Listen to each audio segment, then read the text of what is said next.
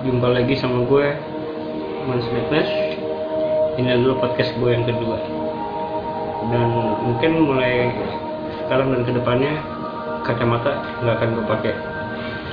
Jadi sebenarnya gue pakai kacamata selain karena mata gue minus, juga ya karena ada permasalahan di saraf mata gue yang bikin gue selalu berkedip-kedip mungkin ya salah satu efek dari narko juga gue juga nggak tahu dan gue juga nggak pernah mau pusingin itu karena menurut gue ya nggak nggak ngeganggu gue juga. Oke. Okay.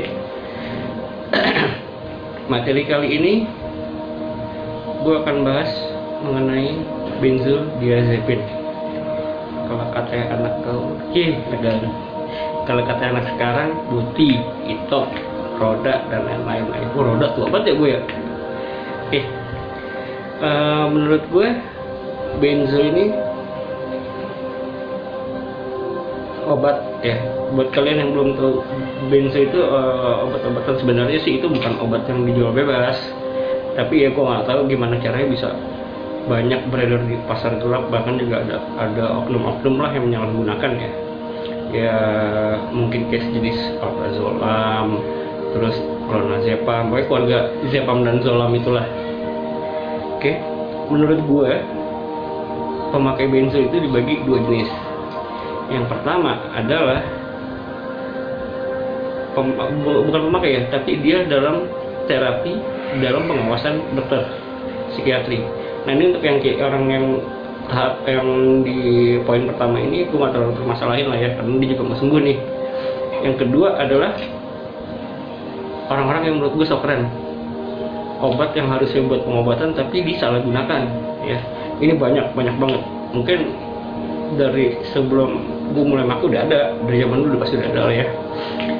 Yang dulu ke waktu di tahun 90-an itu yang terkenal adalah Nipam terus di 2000-an itu Dumolit lumayan terkenal terus juga yang banyak disalahgunakan adalah Lexotan Lexotan, Lexotanil, yang sekarang Lexapam lah ya.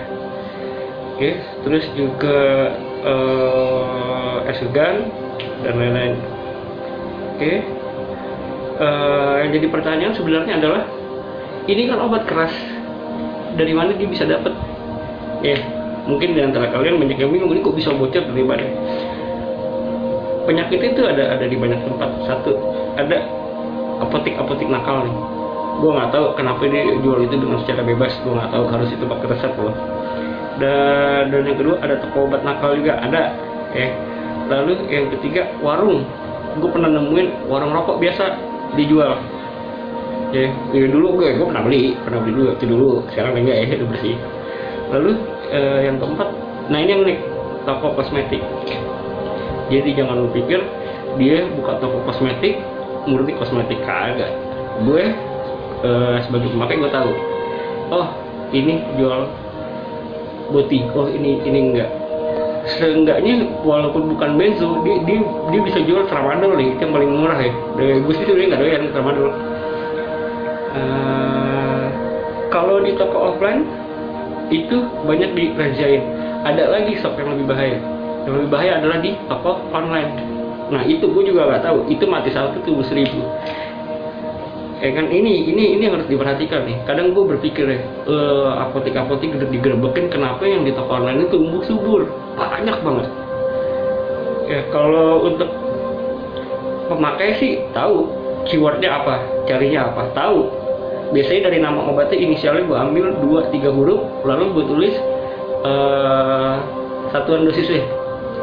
Ya kan? Contoh adiklona 2 mg ya gue singkat.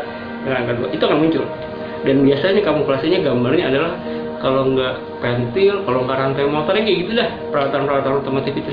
Nah ini, ini, ini di sini nih, gue bingung nih. Ini harusnya ini yang diberantas duluan. Gue kalau nemuin yang kayak gini di toko online itu udah pasti gue report. Cuman ya pekerjaan ini nggak kelar-kelar. Hari ini gue report satu, sore ini muncul tujuh. Sore gue report semua, muncul lagi 15. Itu ini ini, ini capek. Sampai akhirnya gue sendiri pikir lah udahlah, udah nggak bisa diapa lagi. Harusnya juga ada sinergi lah ya antara pemerintah sama si marketplace gimana caranya ngebendung ini semua itu uh, ini ini yang yang dari pengetahuan gue ya kan? Gue nggak tahu kalau memang seandainya itu toko sudah pernah transaksi sama si customer nih terus tiba-tiba deal-dealan di antara mereka itu akan dikamuflasekan menjadi liquid vape bisa bisa. Yang penting harga sama kan? E, di tulisannya transaksi liquid liquid vape yang dikirim adalah benzo banyak ya kan buat lu semua yang belum kenal benzo atau yang mau sok-sokan bang gue mau nanya dong buat apa yang enak buat apaan? Buat nemenin ngopi. Salah sob. Semua orang sekarang ya itu lagi berusaha tapering down. Sebisa mungkin udahlah ninggalin. Benzo itu jahat. Jangan lo pikir benzo itu sesimpel yang lo pikirkan. Itu withdrawalnya parah. Bahkan bisa kejang. Dan gue pun pernah ngalamin ya kan? Kalau gue sih biasanya nggak pakai tapering down uh, awalnya gue pakai adalah substitute. Ya substitusi. Pada saat gue edik bahan A gue akan substitute ke bahan B. Tapi pada akhirnya gue pikir ini nggak habis-habis. Ini cuma memindahkan adiksi ke satu, ke satu ke yang lainnya. Akhirnya gue, gue memutuskan untuk cold turkey cold turkey pun nggak sembarangan. Buat kalian yang nggak paham cold turkey itu ya berhenti secara tiba-tiba. Nah ini ini ini berat tadi. Cold turkey ini berat. Ya. uh, kalau yang nggak pernah cold turkey gue nggak saranin. Sebaiknya kalau mau berhenti ya lu psikiatri ya. Psikiatri sebenarnya kalau lu jujur lu ceritakan kendala lu apa masalah lu apa itu akan dikasih solusi sama mereka. Ya ini balik lagi ke dua poin ke dua tipe orang yang pemakai benzo tadi di atas yang gue sebutin ya. Ya kan? Jadi sebenarnya kalau menanya bang benzo yang enak apa? Buat yang enak apa? Lu salah pertanyaannya. Yang benar adalah bang gue ada masalah. Kira-kira yang cocok pengobatan buat gue apa? Nah gue akan kasih saran. Lu datang ke rumah sakit ini lu diskusi sama psikiatrinya. Dialah yang akan assessment lu. Dialah yang akan mengarahkan lu. Dialah yang akan kasih lu. Itu baru benar. Menggunakan benzo secara benar. Karena gue yakin ini benzo dikeluarkan bukan untuk disalahgunakan. Tapi ya memang untuk pengobatan. Ya. Jadi pesan gue buat lu semua nggak usah sosokan pakai benzo buat apa. Percuma. Dan akhirnya malah menimbulkan ketergantungan duit lu habis. Coy harusnya lu bisa ah spare duit gue buat beli rokok. Ini karena ketergantungan benzo ya lu larinya gimana caranya dapat rokok dapat benzo oke kalau lu semangat kerja. Ya kan dorong lu jadi kerja. Yang jadi masalah kan kalau orang yang malas kerja. Tapi kebutuhan adiksi jalan. Akhirnya apa? Kriminal. Ya kan? Dan ingat benzo itu nekat. Nekat. Gue pun kalau kalau kena boti ya. Galak galak ngeliat orang kecil kecil nyalinya gede. Ya kan? Dan kacaunya benzo itu bisa dibilang tidur sambil berjalan lah. Lu nggak akan ingat kejadian apa yang lo alami. Tiba-tiba setelah lu sadar dari pengaruh benzo baru deh teman-teman lu bilang wah lu kacau lu, ada masalah di sana lu ada utang di sini lu ada masalah di sana itu. Dan lu pun nggak pernah sadar oh iya ya gua buat salah. Enggak jadinya gede. Kayak gitu. Oke?